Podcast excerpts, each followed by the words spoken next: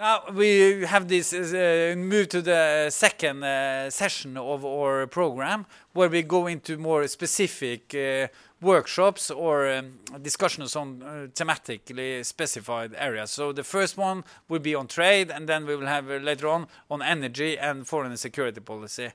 And uh, to act as a moderator for this first session, we have been fortunate to have Liv Monica Stubholt she used to be a junior minister in the foreign Ministry of Foreign Affairs. She was, she's been a junior minister in uh, in uh, the Ministry of Energy as well. She's a prominent lawyer on uh, the EEA affairs, and not least, she was also number the deputy leader of the European Review Committee. So, Liv Monica, please, the floor is yours.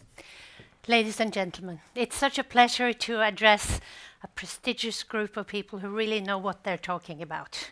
Now, we all know that knowing what you're talking about with regard to today's topic means that you really don't know what you're talking about, which I think the first half of the day well demonstrated. But I have to say, we managed to add flavor and color to not knowing what we're talking about. So we will continue in that vein. And we have the best of speakers to join us. What we hope to do in this panel is uh, to go up one step and say, after having looked at the European Union, the EA, the Brexit implosion or explosion, hard to say, what does that tell us about the overall international trade policy arena? What are the parameters that drive inter international trade policy today?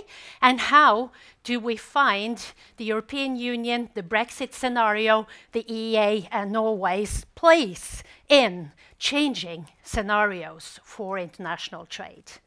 I'd like just to share one observation in uh, uh, the process of introducing our eminent speakers before we have a discussion in the panel, and that is the following. If you go back about 10 years, there was something inevitable, inevitable about liberalization and the drive towards globalization as a consequence of liberalization of trade. You may like it, you may not like it, but it was going to happen. It was like growing up, there was no stopping it. Now, today, it's a bit different. You have a situation where you feel somebody is trying to pull back, somebody is trying to put up obstacles, and uh, some of them are successful. So, what does that mean? Does it mean that liberalization can no longer be ideology driven, that it has to find new reasons to survive? Or does it mean that like capitalism, liberalization needs to be checked to be successful and bring prosperity to all. Now we have the very best speakers to uh, enlighten us, and I will uh, start by introducing our first speaker, Mr. Erixon, who was voted by Financial Times uh, in 2010 one of 30 most influential people in Brussels. Now, that's a pretty tough competition. And uh, he's not the oldest of them either. Of the 29 others, I think, uh, had more gray hairs, uh, hairs than he does. So, quite uh, an achievement. He's a Swedish economist and writer, and I think that his current uh, main occupation is really to be part of uh, the couple, um, uh, Razeen Sally and yourself, who uh, set up Center for International, the European Center for the International Political Economy. That has become very uh, influential in Brussels and indeed has been awarded a number of prizes for the work that has been done. Please, Fredrik, the floor is yours.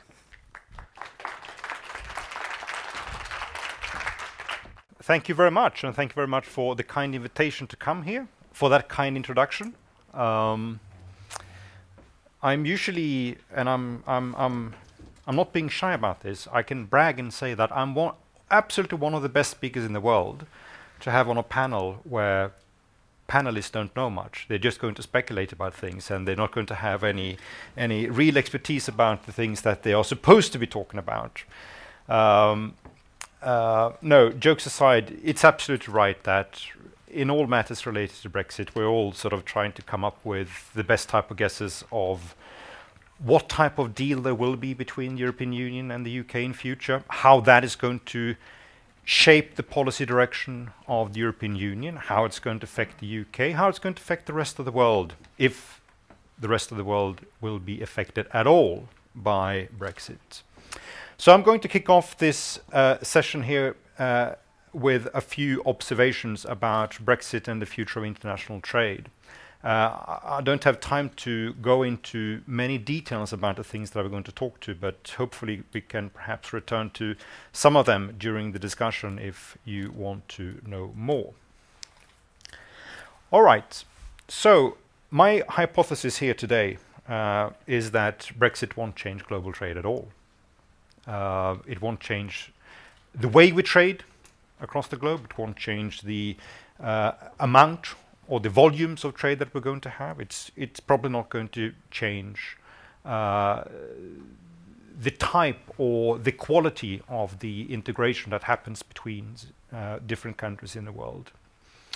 Brexit is going to change UK trade, and potentially it's going to change UK trade quite substantially. That how much it will change UK trade will depend upon what type of agreement it's going to have with the European Union.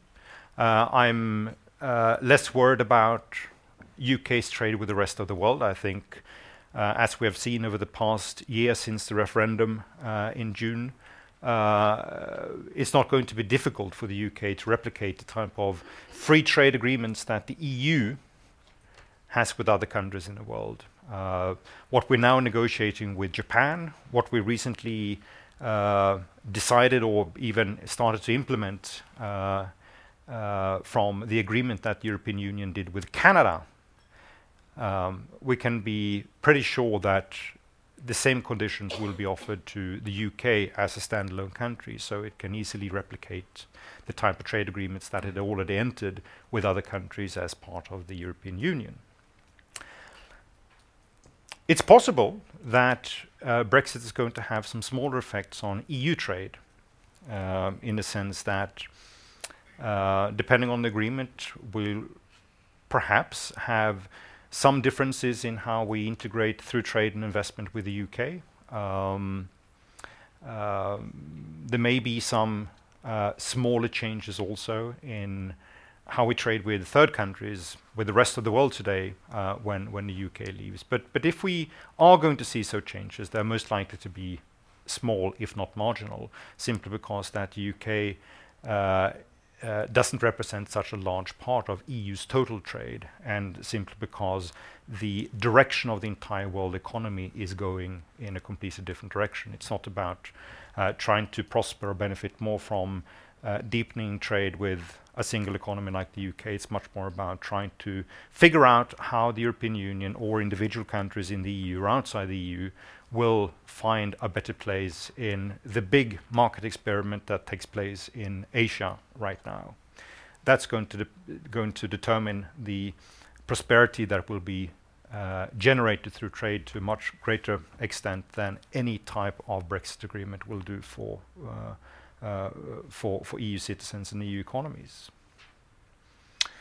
Where I think policy can change a bit in the EU as a consequence of Britain leaving is not so much on trade policy, proper trade policy, it's much more about market policies.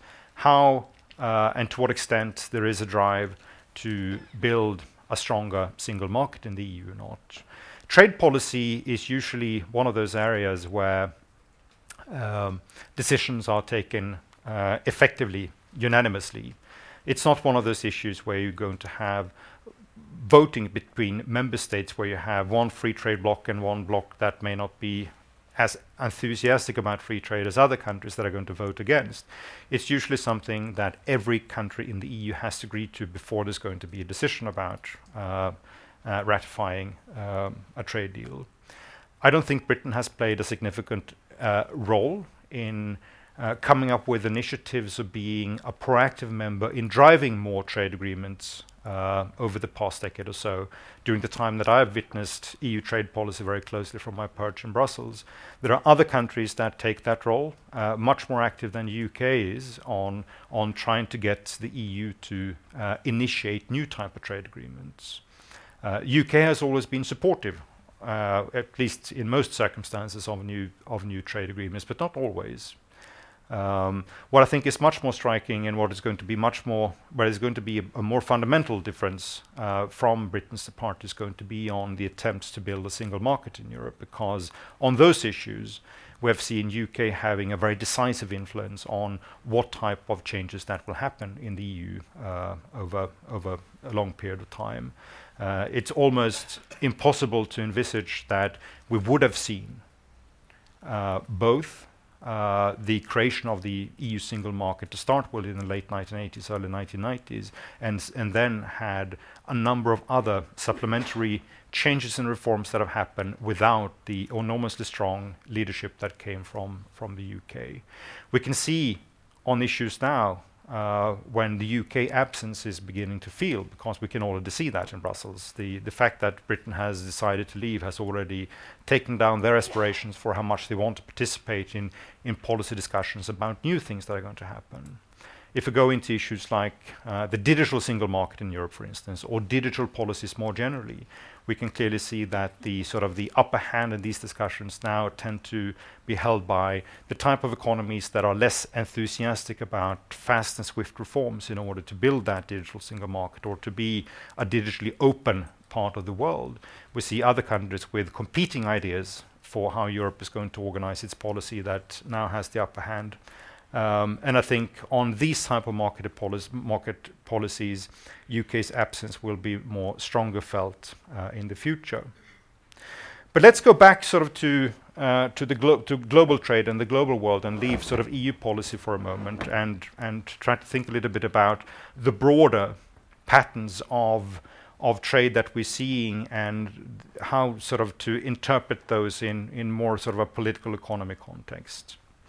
So I would make the argument that the era of globalization has ended. By that I don't mean that globalization has ended. I mean the, that the era of globalization has ended. We can define that era in different terms. Uh, Monica started out by pointing to sort of the the, the broad liberalize, liberalization reforms that happened from say the early 1980s going up to the global financial crises uh, that we had uh, growing sympathy across the world for market economy principles, for market economy ideas, that we had countries like China leaving uh, its old systems of almost economic autarky in order to integrate itself with the rest of the world. That, of course, had an enormous consequence for the entire world economy, let alone for the Chinese economy. Uh, and it was, of course, as much driven by economic self-interest on the part of, of, of the Chinese, as well as the fact that we had uh, uh, an ideas development in the world that led to greater sympathy and greater support for, uh, for economic liberalization. Um, I think sort of if you want to understand this particular era a little bit uh, and go into sort of flows of trade, I think there are a couple of things we need to point to in order to understand what made this era so unique that it was. The first point of it was, of course, that it was heavily manufacturing oriented even if we, during, say, the period between 1980 and 2010, have seen a lot of different changes in the economy, with the growth of a services sector, not least the growth of uh, the financial sector, which has become so much large, larger and so much more powerful uh, uh, over these 30 years. Uh, but when we look at actual trade, trade volumes, trade values, when we look at patterns of integrations between economies around the world, we can actually see that manufacturing was sort of the, the most strongest uh, forum or vehicle for integrating economies with each other during this particular period of time. One of the reasons for that is that a lot of the explosion, a lot of the boom, a lot of the growth in, in trade that we had was driven by the globalization or the fragmentation of value chains and supply chains. That large multinational companies uh, started to fragment the way they produced, uh, outsourced production to uh, other companies, built dense, tightly knitted production networks with a lot of other companies, and that led to much more trade uh, between countries as well as between firms, even within firms. And when we look at sort of trade statistics and trying to figure out what lies behind the amazing sort of growth that we've seen in global trade between 1980 and 2010, we can see sort of that this type of trade in those sectors were responsible for uh, uh, a very a very distinct part of the growth, and uh, uh, it also reflected the fact that we had China and other countries in Asia that stepped into the world economy through these value and supply chains, and as a consequence, became also drivers of the trade growth that we witnessed. So these are a couple of factors that were sort of defining the era of globalization and that led to very, very fast growth. A final point that I think is important to raise is also uh, to look at what happened at markets. Um, and a lot of things, of course, happen at markets, and there's not sort of a universal story about how globalization affected all markets. Uh, there's also a, a, difference between time, where we could see, for instance, if we take countries like Norway or Sweden, countries I know very well, um, from the 1980s, how our economies began gradually to open up, um, how that led to a number of domestic incumbent firms here in Norway or in Sweden were exposed to competition. We saw sort of big retail chains coming in competing with our local food stores. Uh, we witnessed um, in industrial manufacturing or in, in, in, in, in, in other types of, of good production that we had more and different suppliers that came in and offered more competition than we had been used to in the past.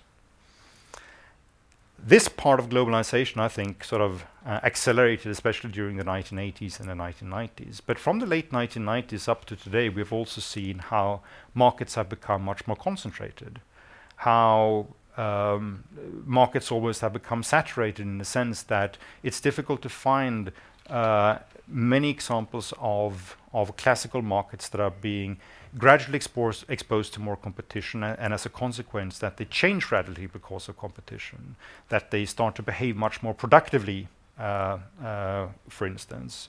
Uh, what we're seeing is that a, great number of the classic markets that we know as consumers or that companies know as producers, they are being less efficient. Uh, they are not being less efficient, but they are not growing uh, as fast as they did in the past in terms of how much more efficient and how much more productive they are becoming. And that is partly because we have seen this trend through globalization of the saturation markets, how it's increasingly be become sort of uh, not dominated, but at least a, a, a, factor of how a number of large multinationals have been able to uh, uh, produce very efficiently, and as a consequence, uh, reduce the uh, the degree of competition that happens on markets. So when that era now is ending, I think the question we can ask ourselves, and I can show the slides to you just to uh, bring home my point about an era which is ending. Here is um, it is an index looking at the value of global exports from 1800 to 2014. Uh, my point is basically to show that uh, this goes up to 2015. That that after the global financial crises in 2008, 2009 we had, of course, a first a short, short, a sharp drop in trade. Then we had a recovery. Then came a drop again, and since then we have basically flatlined in terms of of of of, of global exports. Uh, the point here being sort of that the era of globalization has ended. We are not seeing a decline in globalization, but we're seeing that it's not growing as we uh, were used to in the past. So the question now becomes what's going to define the new era? And looking at those uh, factors that are going to define trade in the future, uh, to what extent can we uh, drive home or learn a, a, few points about EU trade, about Brexit, or what's going to happen in Europe after Brexit? So, very quickly then. I think that we are stepping into an era where we are going to have economies that are much more focused on creation rather than diffusion. By that I mean that trade has been a very efficient diffusion machine. That one of the reasons for why we had such a growth in global trade uh, over the past uh, decades is because uh, there were a lot of goods in order to diffuse to other uh, to other customers and to other parts of the world, goods that they wanted and didn't have access to uh, uh, initially, but that trade helped them to to access. we're now seeing a much more technology innovation-focused type of economies, where there is more competition about creating the new technologies that are going to define competition and define markets in the future. That can be in in in big data, it can be in artificial intelligence, in robotics and automation. We don't know exactly where this is going to end up, but what we do know is that both the forces of business competition and the forces of competition or competitiveness inside countries are increasingly defined Uh, by those factors that are about creation rather than diffusion. We are focusing much more on on the type of indigenous capacities that are going to help us to generate this new technology, to create the products that embeds these technologies, rather than to diffuse them out to more customers uh, around the world in a very fast pace. So We are much more focused, Uh, if we want to deliver economic growth, we must be much more focused on innovation, on creating competitive markets. And we also must be much more focused on taking care of those vehicles for generating these changes domestically and the adjustment uh, markets that exist uh, for technology in order to generate great societal goods for all. So we're talking about issues like labor market, education, housing, all these issues where we Uh, tend to have markets that haven't worked very well and that we have seen uh, generated uh, outcomes over the past that also have been causing reasons for political revolts. So the capacity for indigenous change and the capacity for indigenous growth is probably going to be more more defining for our future economies than the classic form of trade, where we want to diffuse a lot of things that we've already created. And the the type of markets that we need in order to make that change and to make that happen in a way which is equitable, which generates growth and opportunities for many people. Uh, I'm very soon going to uh, to end. Uh, I think that's going to be that's going to be very very important. That's also going to have consequences of trade, um, Uh, and for trade policy and the way we want to use trade policy in future in order to drive better economic outcomes.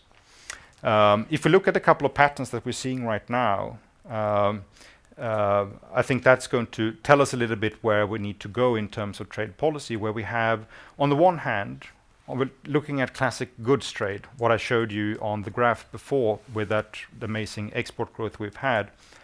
Uh, that will continue to be a strong factor in the global economy.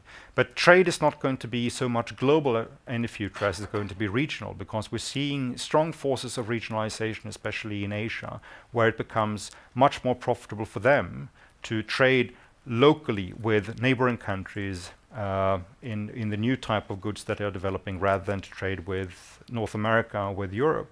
So regionalization of regionalization of trade and goods is going to become stronger, partly for that reasons. The fact that we have a demand shift in most economies uh, uh, towards services, that we use a higher share of our income in order to pay for services, also means that we, in effect, have de-globalizing economies because services sectors are far less exposed to forces of economic integration globally than than, than goods are. Digitalization is a strong force of globalization today, but I I I I don't know if it's going to remain so in the future because there are many factors right now, especially on the policy side, that pushes governments in order to uh, in order to erase different type of regulatory barriers for good or bad reasons that are going to affect on our capacity to transpose data in and out of economies. My point here by by making all these uh, uh, uh, propositions to you is to say that I don't think we need to worry that much about goods trade. There are lots of different things we can do in order to raise our living standards through better trade in goods. Most visibly by taking away, for instance, tariffs on food and agriculture foodstuff, which is going to make food uh, cheaper for people. But I don't think we need to worry that much about it because there are very strong forces that are going to keep regionalization or globalization very strong. What is going to be far more important is to think about what do we do with services and with digital parts of the economy, because they are the one they are the sectors where we see both trends of de-globalization and where we see great opportunities for working much more closely together with each other in future.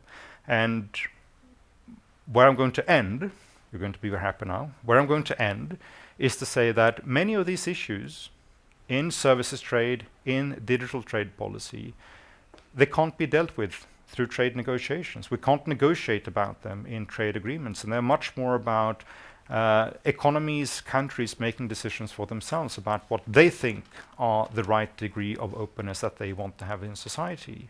They can't negotiate with China, with the EU, with UK about these issues. It's much more about the markets you define, the institutions you build up domestically. That is going to be the strongest factors that are going to determine uh, trade for the future.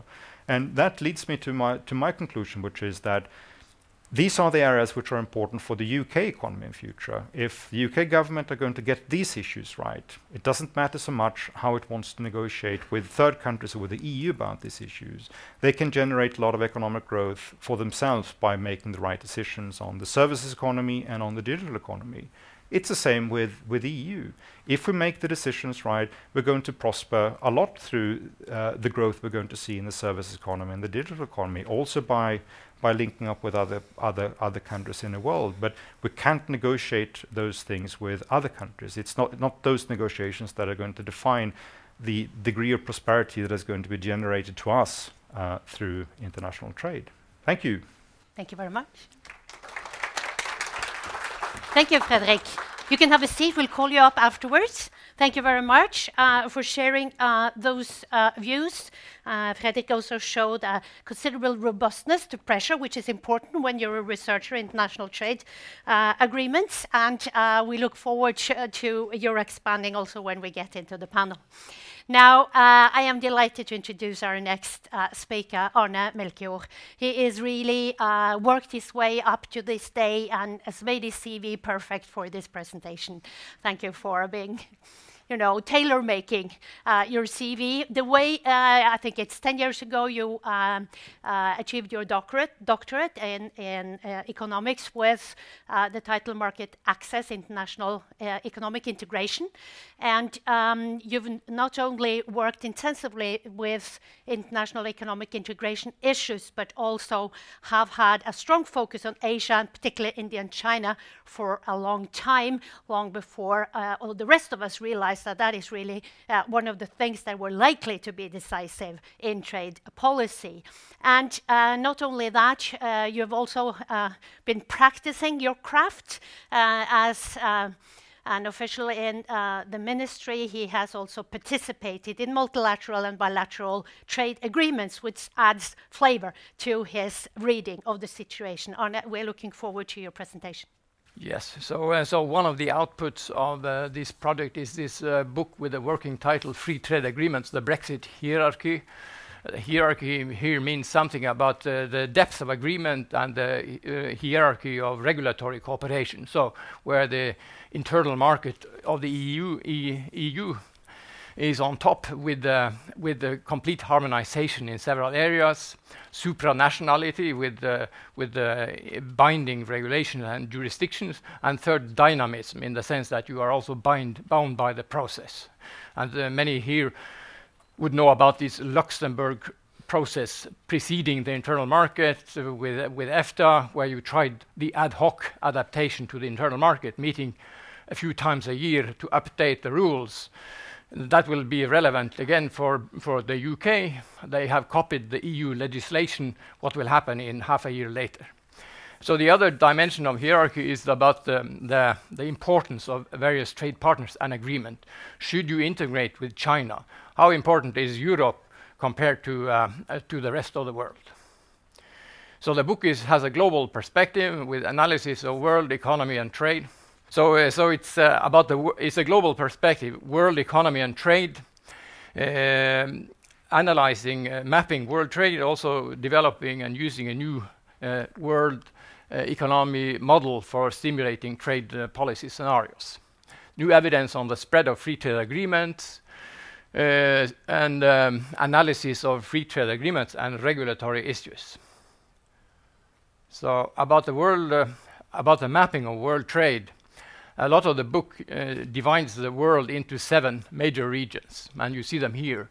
And this graph shows the share of intra-regional trade in uh, total goods trade for these seven regions. So you see that for the three big ones, Asia North America and Western Europe, there is a lot of intra-regional trade in total trade. They are also very large in the world economy, so they are large. And the third uh, feature of these uh, three giant regions is that they have a large share of manufacturing in their foreign trade. So they are exporting manufacturers, uh, trading, have two-way trading in manufacturers. Where the four other ones, Africa, Eastern Europe, Latin America, and the Middle East, they have a limited intra-regional trade, a lot of non-manufacturing exports, commodities, natural resources. Uh, so and the trade is uh, more globalized in the sense that uh, the global flows are more important than the local flows. And these patterns are strongly influenced by commodity prices. Even the flattening out of world trade is affected by this dampening of world prices. So you see the intra-trade for Western Europe declines, and that's partly because of the commodity prices.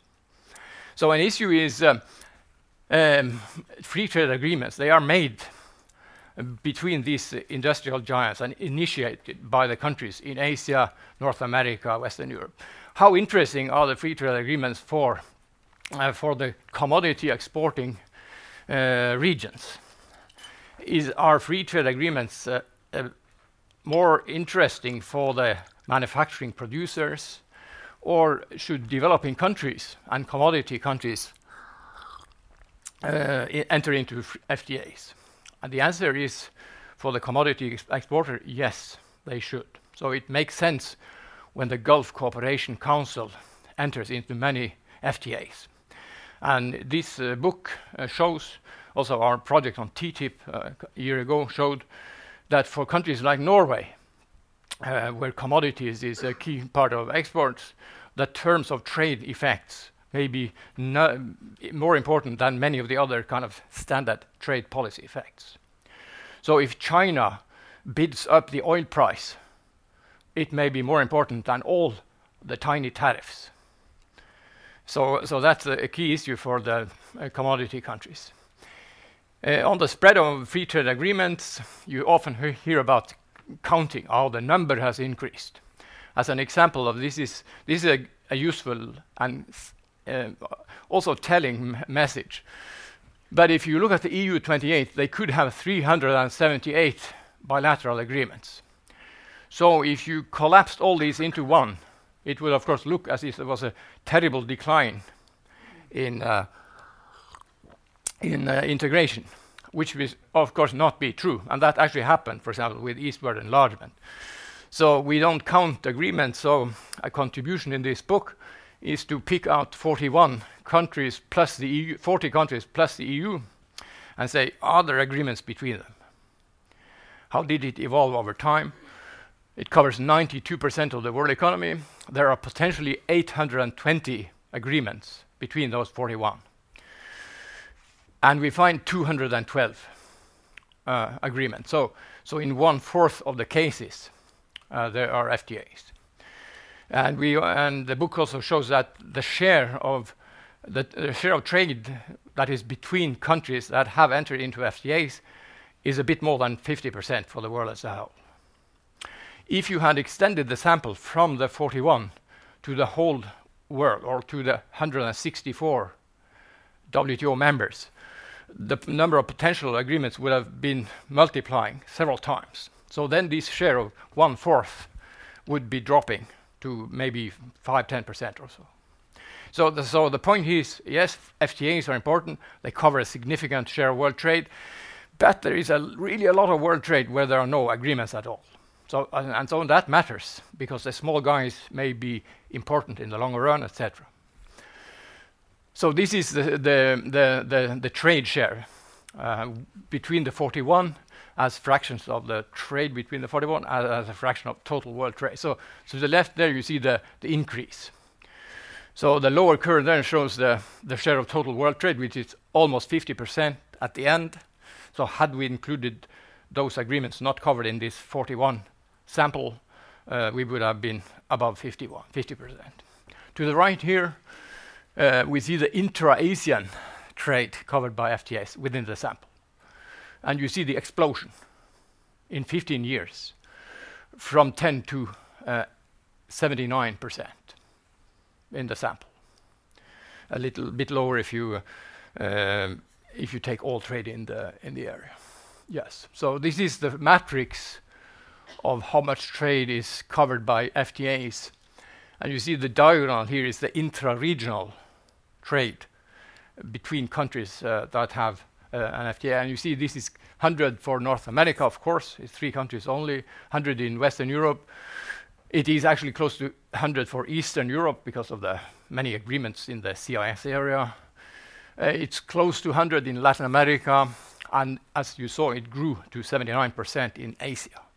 So whereas it's much lower in the Middle East and very low in Africa, but there is just a few countries included.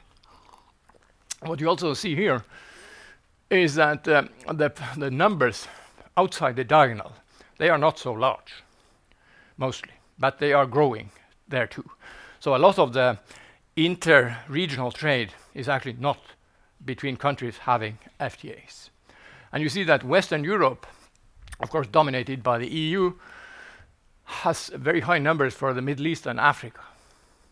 So EU is aiming at 150 trade agreements with the ACP, the former colonies, et cetera.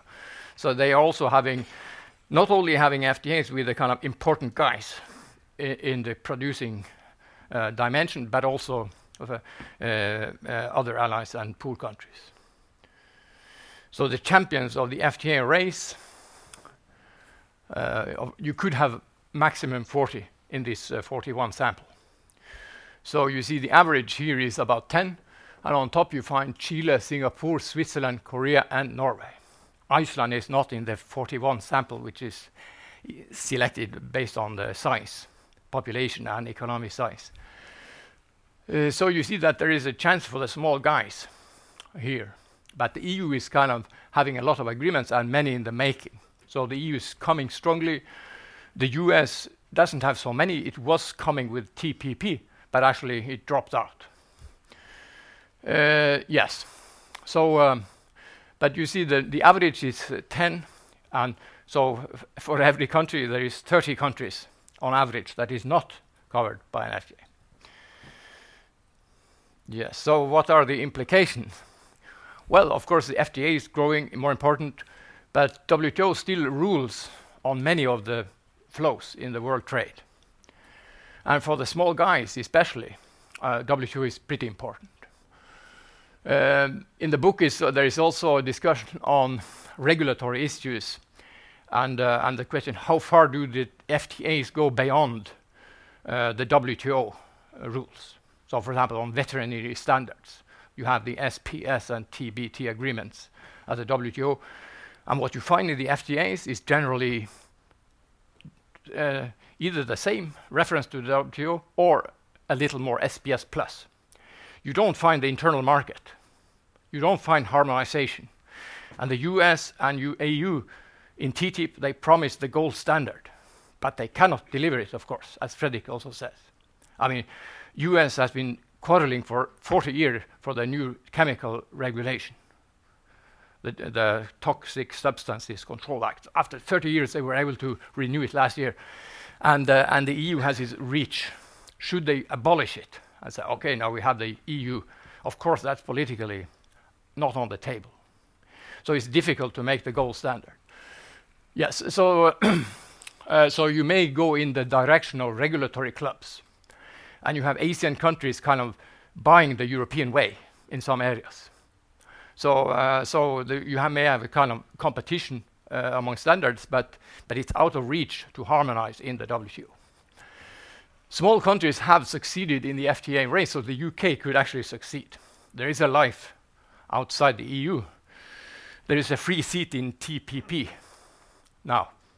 So perhaps the U.K. could take the the, the 12th seat and become the champ of the West in promoting kind of liberal uh, trade order in Asia. But the EU is aiming at the largest number of FTAs worldwide, including a lot of developing countries. Also FTAs with developing countries, commodity exporters. And the question, will U.K. have the capacity? Uh, FTA networks take time to develop, not done over time. It takes decades, actually. Yes. Uh, so, um, this is uh, about negotiating capacity and bargaining power and the ability to influence global rules. I think my time is not running out. So yeah, so so about then I use this world model on the other aspect of the hierarchy. So that's the second message here. Uh, so this graph shows uh, the impact if Western Europe makes a deep trade reform, either with all the world on top or with one of the other world regions, one at a time. So you see the best. I think I had to point. I need 43 seconds now, you know. Yes. So, um, so, so the best is to have this global integration with all, but you should it should be reciprocal. So if you do it, if you liberalize yourself, but not China, you get cheaper T-shirts, but you get fewer jobs. The model simulation also show that's what happened with China's growth. China's growth was a threat to Trump. It affects your job because you get a more productive, huge competitor, uh, but it increases the welfare. But if you look at the regions here, so that's the message. On top, you find Asia Pacific, more important than intra-European integration, even America across the Atlantic. This doesn't say what is feasible, and, but it says if everybody, if each time you cut trade cut barriers by one-third, that's what you get. So the message is that um, the world is changing, so integrating with ourselves is no longer enough. So the long-term capacity of countries to integrate with Asia is a key element. Yeah, so trade policy has to be seen globally. The mass shift of economic mass to Asia means that integration with Asia is a key issue, and we should not be afraid of China, but aim at balance, reciprocal integration. So, yeah, so Brexit is, of course, a loss of a worldwide network of FTAs. To finish off, uh, I could refer to uh, Pascal Lamy, who said that uh, that Brexit is like retrieving an egg from an omelet. You you could also say that the, the hen has left to play chicken uh, with the free trade agreements as one of the elements. So yeah, so so U.K. has to solve its trade policy issues not only with the EU, but aim at global integration. And do are they able? Um, thank you.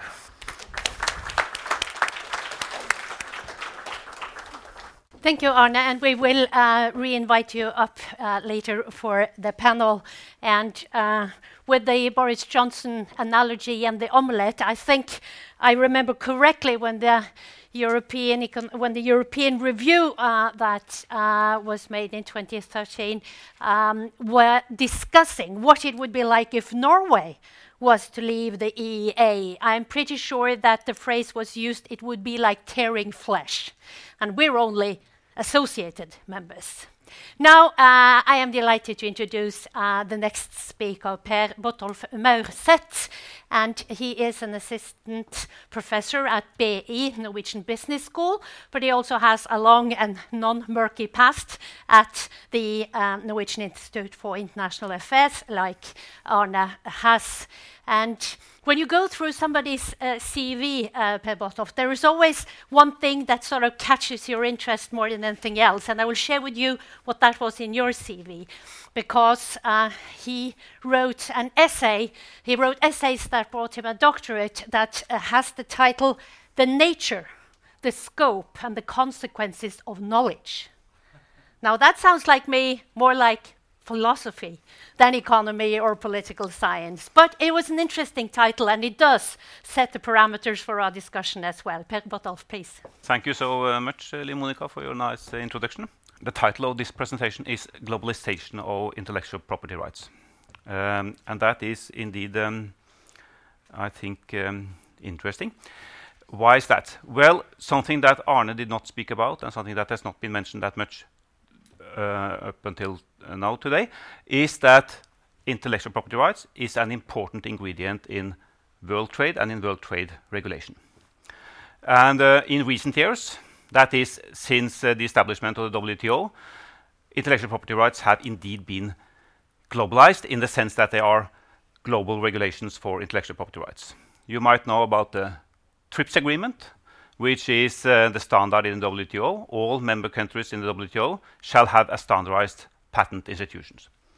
But after the TRIPS agreement was established, several countries have engaged in free trade agreements, as Arne has given us a nice introduction to. And in fact, IPR, intellectual property rights, are a part of almost all of these new generation preferential trade agreements. Uh, in Europe, we have had the European Patent Office, which is not a EU institution, but a common European patent office, an umbrella over the national patent institutions. But in recent years, the EU has also agreed to establish their unitary patent, which is meant to be mandatory for EU member countries and exclusively for EU member countries. So, how was it before? Well, before it was so that intellectual property rights, patents, patents institutions, copyrights, etc., was in the domain of the nation states. Each country could determine how what type of patent institutions they like to have. But early on, in, convention, in the Paris Convention and in the Berne Convention, they introduced the regulation of national treatment, so that if patent rights was stronger in one country, that country had to have the same patent laws for patent applications from all countries. You can discriminate between countries um, uh, in your patent institution. So that was kind of the ruling into the global IPR regulation in the global economy up until the TRIPS agreement. Uh, so countries decided on their patent systems individually, but they had to treat domestic and foreign patent applications similarly. There was no discrimination. So in the 1970s, the European Patents Office came along, which was an umbrella over national patent institutions. And in many bilateral investments agreements, IPRs were also introduced. So there was a kind of pressure in advance uh, before the TRIPS uh, agreement came into existence that the needed, there was some need for international cooperation in the field so, of intellectual property rights. And why was that? Well, this is a very, very short crash course in the economics of patents. Okay? So what is this? This is a market. And here I have my demand curve. It is falling because when the prices are high, you buy less. So this is my market with a demand curve.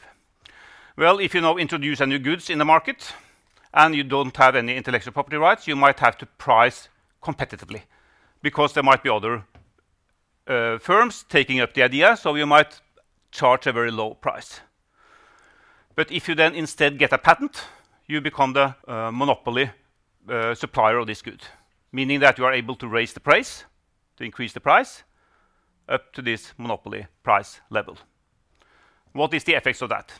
Well, the effects is first that the monopolist get a profit. That is indicated by pi v.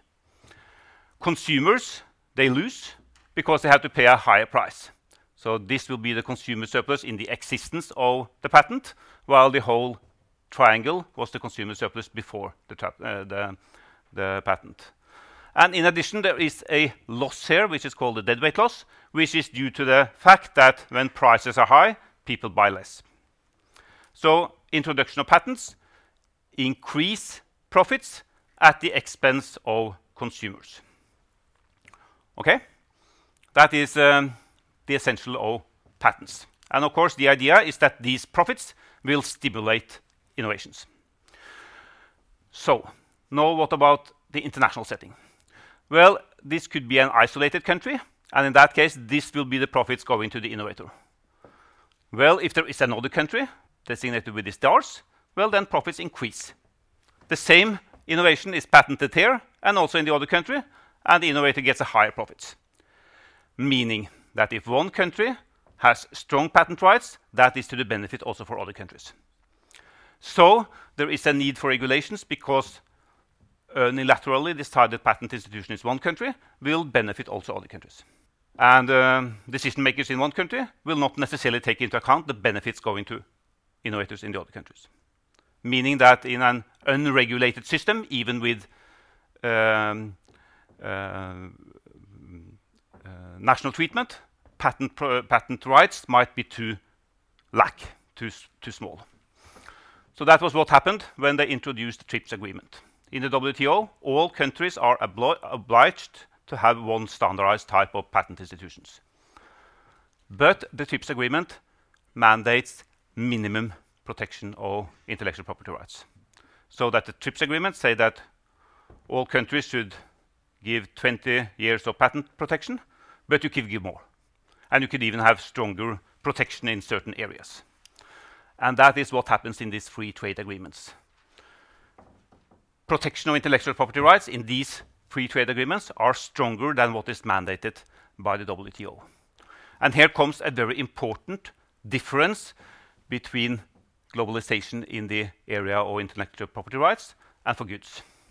When two countries form a free trade agreement together and reduce the tariffs, that is to the benefit of these two countries. But if two countries form an agreement in terms of IPRs, intellectual property rights, they have to give the same privilege to all WTO members.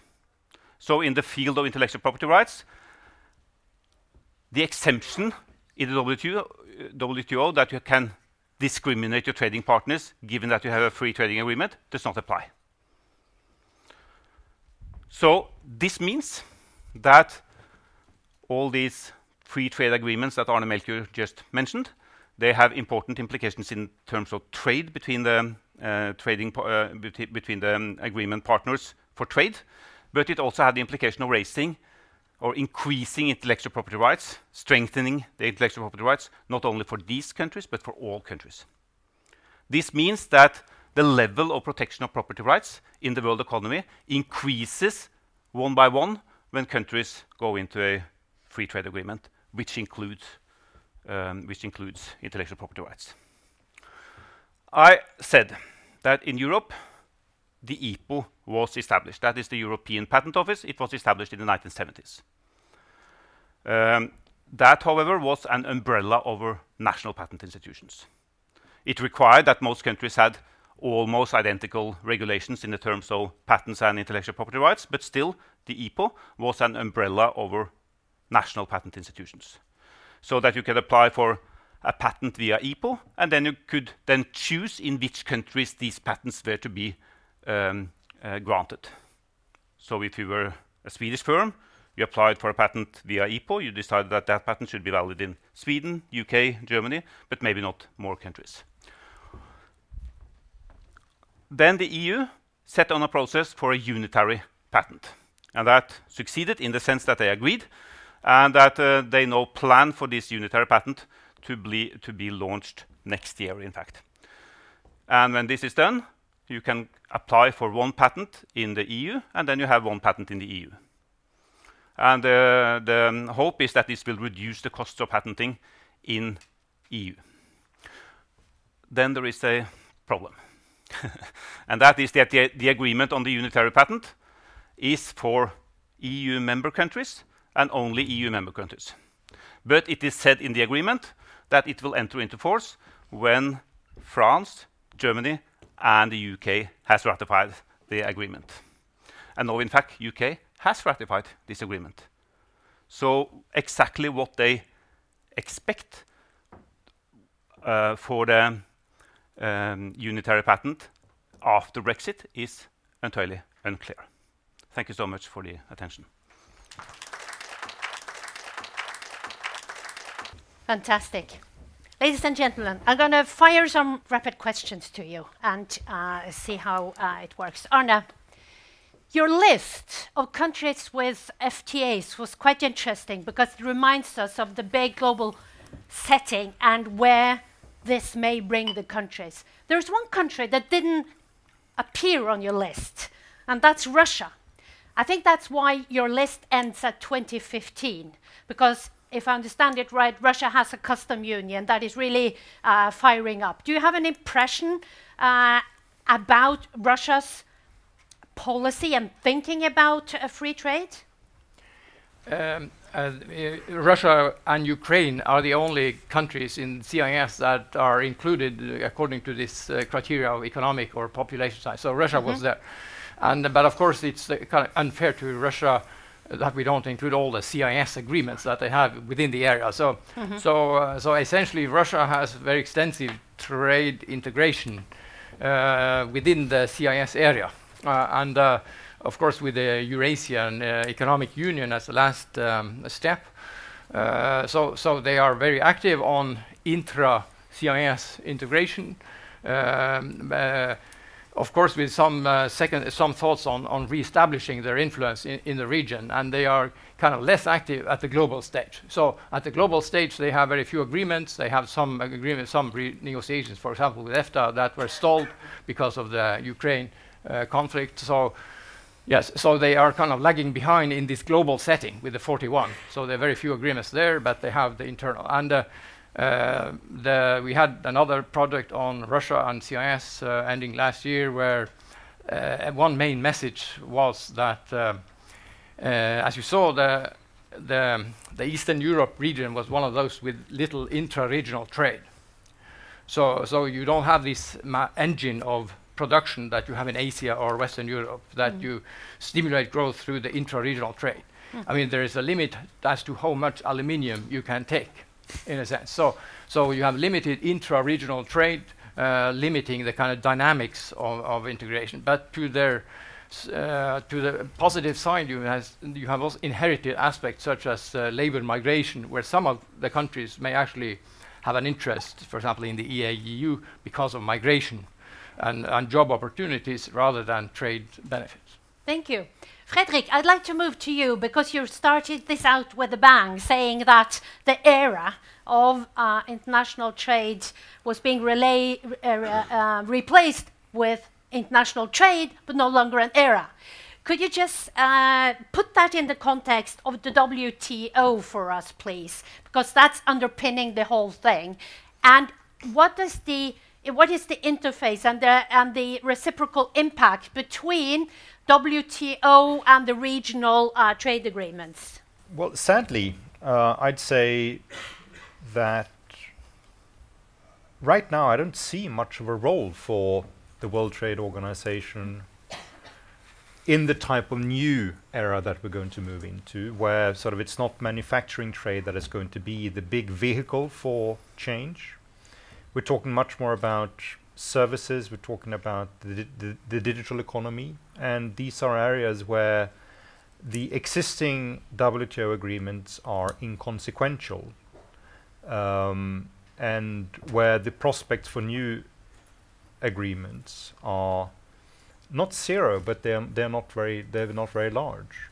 Um, which, so of course, I mean, should sadden all people because um, there is a strong difference between the economic and political benefits of doing things globally compared to doing things bilaterally. I mean, looking, for instance, at the chart that Arne showed um, uh, on the difference between if all partners do things together globally compared to whether you do things only regionally, let alone if you do things bilaterally, it's it's pretty substantial.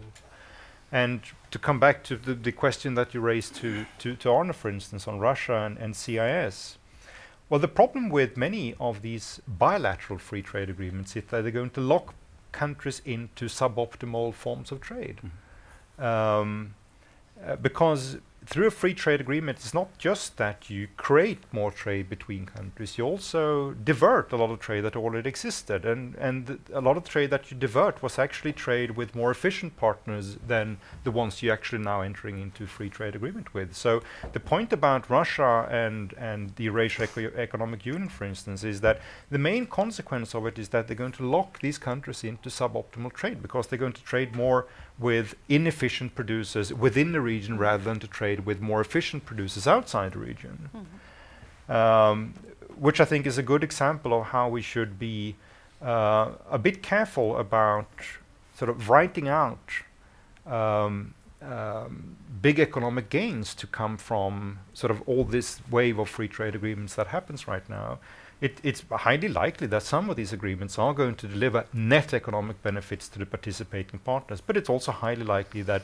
many of the existing agreements and some of the agreements that are being negotiated right now in net won't deliver economic benefits to the concluding partners.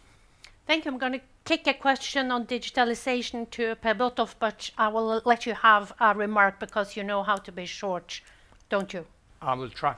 So as a trade economist, I should kind of be positive to whatever the WTO does.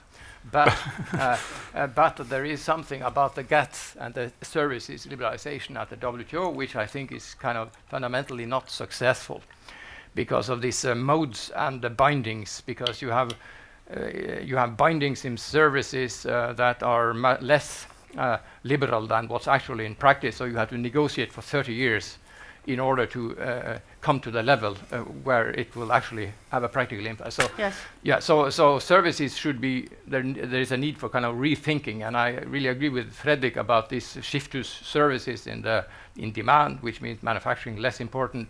So you need to get better approaches on services liberalization.